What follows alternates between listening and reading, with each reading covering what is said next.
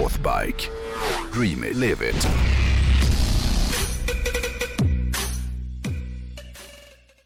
Fan vad det är härligt med tjejer, är det inte det? ja, det är, det- det är faktiskt verkligen härligt. På många sätt så är tjejer jävligt mycket skönare än oss killar. Vi gubbar, vi har ju i och för sig en del sidor som vi kan och ska vara stolta över, men tyvärr så har vi även en hel del egenskaper som gör att vi inte är så roliga att ha att göra med alla gånger. Och så är det väl kanske i och för sig för kvinnor också, men jag tycker att vi män oftare än kvinnor beter oss på ett sätt som får en att känna att man blir lite trött på hela liksom testosterongrejen. Ja. Jag för mig att det var Seinfeld som beskrev det här bäst när han konstaterade att anledningen till att UFC och tv-serien Real Housewives är så populära, det är för att de lyfter ju fram och tydliggör den värsta sidan av manlighet och kvinnlighet. Ja. Och det är därför som vi är så fascinerade av att titta på det. Det, det är ett väldigt bra sätt att beskriva det där på något, fenomenet på något sätt. Ja. Men även då om, om kvinnor och män har sina vidriga sidor så måste jag ändå säga att på det stora hela så föredrar jag kvinnor framför män på många sätt. Och det gäller även när jag liksom bortser ifrån det rent fysiologiska. Eh, för där är ju skillnaden könen emellan kanske som absolut störst, åt- åtminstone i mina ögon. Att kvinnor överhuvudtaget vill ligga med oss män, det är för mig helt obegripligt. För om man tittar på oss, ja men ur ett rent estetiskt perspektiv, så är det ju ungefär som att jämföra ett snuskigt troll med liksom en fragil och vacker elva nästan i min värld. Eller hur? Så är det ju. Ja, den store, ska ju den store filosofen har återigen talat. Ja, men vi män ska ju skaffa oss jävligt lyckliga över det faktumet då. Och det är väl säkert också anledningen till varför vi män vill ligga med dem mycket oftare än vad de vill ligga med oss. För vi är ju helt enkelt inte lika estetiskt tilltalande som de är. Och även om inte alla vi män ser ut som troll och inte alla kvin- kvinnor ser ut som älvor heller, så, så, så fattar du vad jag menar. Ja, absolut. Jag är mycket nyfiken på hur du ska knyta ihop den här säcken till ett, ett motorcykelsegment. jag, jag, jag kanske är ute på ett sidospår här.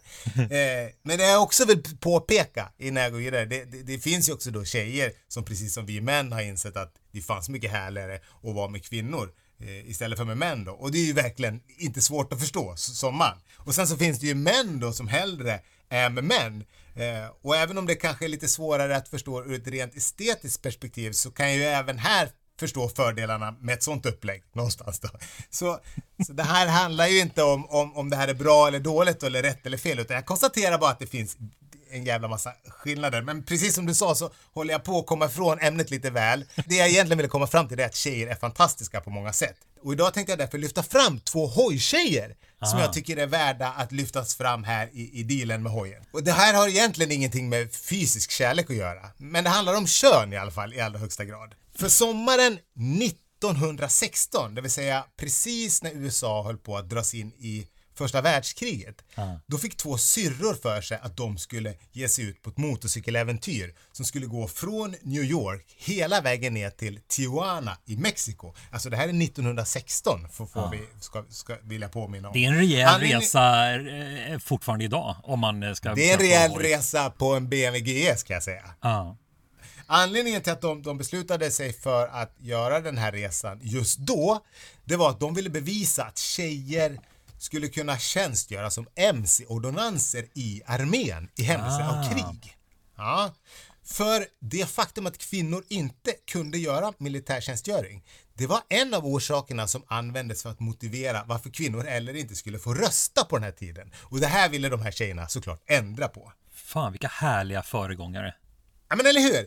Den här resan då, den tog över två månader att genomföra och sträckte sig eh, över en sträcka på hela 5500 miles. Vad blir det? Det är väl typ 1000 mil va? Ungefär. och sånt där. Ja. Eh, och det här var ju liksom inte några fina asfalterade motorvägsmil utan det var ju som jag sa 1916 så, så vi får ju liksom, vi snackar alltså om vägar i typen av liksom den typen som man ser i cowboyfilmer. Det vill säga Ja, vägar som man då helst väljer en BMW GS kanske, eller en KTM Adventure eller något liknande för att ta sig an idag ju. Men de här syrrorna, de var födda i mitten och i slutet på 1800-talet. Eh, jag tror att Augusta var född 1884 och Adeline, som hon hette, eh, var född 1889. Vilket gör att de var Ja, Augusta är ovanligt nära. Jag blev sugen på Augusta Jansson. vad är det för något? En Augusta Jansson, det är ju en sån här äh, skum choklad eh, doppad skumtopp med kokos på. Jag tycker du ska köpa en sån och i, i någon form av liksom eh, tribute till Augusta. Ja. Unga människor Ja. säger skumraket. Det är ju det är fel ord. Jaha. För det heter Augusta Ah. Jansson. Ja. Ja, just det. Mm. Och det bevisar också att du är ungefär jämngammal med de här kvinnorna som födda 1884. Skitsamma. Eh, de här tjejerna, de var också nära släkt med Martin Van Buren som ju var USAs åttonde president. Och det betyder ju med andra ord att de här båda syrrorna tillhörde New Yorks absolut finaste societet vid den här tiden. Och den socialgruppen är ju kanske inte kända för att vara jätteprogressiva. Så man kan ju tänka sig att det både rynkades på näsan och snackades en hel del om det här då när de här tjejerna bestämde sig för att göra den här resan. Det är lite kanske som om prinsessan Madeleine skulle få för sig att ställa upp i novemberkåsan kanske. Eller det här var nog kanske Eller SOS Segelsällskapsresan när de skulle ha den här eh, tjejbåten. Där rynkades det också på näsan. Ja. Det var, Ja, men det var nog li- värre. Lite, lite fattigare jämförelse kanske. Ja, värre än 1916. Eh, för att det, det var en stor grej för kvinnor att ge sig ut i vildmarken på varsin motorcykel. Det var ju liksom unheard of vid den här tiden då. Men tack vare att de faktiskt också var, eh, kom från pengar så gjorde det att de hade möjlighet att göra den här resan för de hade ju en frihet som inte andra kvinnor hade vid den här tiden. Och det gjorde ju dessutom att de hade råd att införskaffa varsin värstinghoj. Och, och en top of the line hoj vid den här tiden det var till exempel då en Indian Model F och det var precis en varsin sån som de valde eh, för det här äventyret då. Och på den tiden då kostade en Model F 275 dollar så det var ju otroligt mycket pengar 1916. Ja. Och de här motorcyklarna de drevs då av varsin 1000 kubiks V-twin på cirka 20 hästar. De fick inte ut så mycket hästar av, av 1000 kubik på den tiden. Men eh, det var vad som, som gick att tillgå och så fick det alltså bli då. Så de köpte varsin sån och de köpte också den för, den för den tidens bästa motorcykelkläder med tillhörande motorcykelboots i läder. Och det här skulle visa sig inte vara helt problemfritt för flera gånger under resan så blev de faktiskt arresterade på grund av att de körde i herrkläder. För det var faktiskt förbjudet eh, för kvinnor att ha herrkläder på sig i förra sekelskiftet i USA. ja, det är helt sjukt då. Ja. Ja, det fick man inte göra. Hur som helst då, så började de den här resan den 4 juli 1916. Med det datumet så ville de ju såklart spegla den patriotiska liksom, andemeningen i den här re- resan. Just att de stack 4th of July då. Och resan gick då från Sheepshead Bay i Brooklyn via de lite större städerna Buffalo, Akron, Chicago och Omaha. Och det här var ju som sagt ganska stora städer med dåtidens mått mätt då, vilket gjorde att vägarna mellan de här städerna, de var helt okej, eller de var hyfsade att köra på.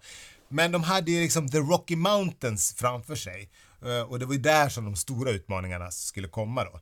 Eh, Och när de körde genom Denver, då fick de för sig att, äh, vad fan, ska vi inte ta och köra upp på Pikes Peak?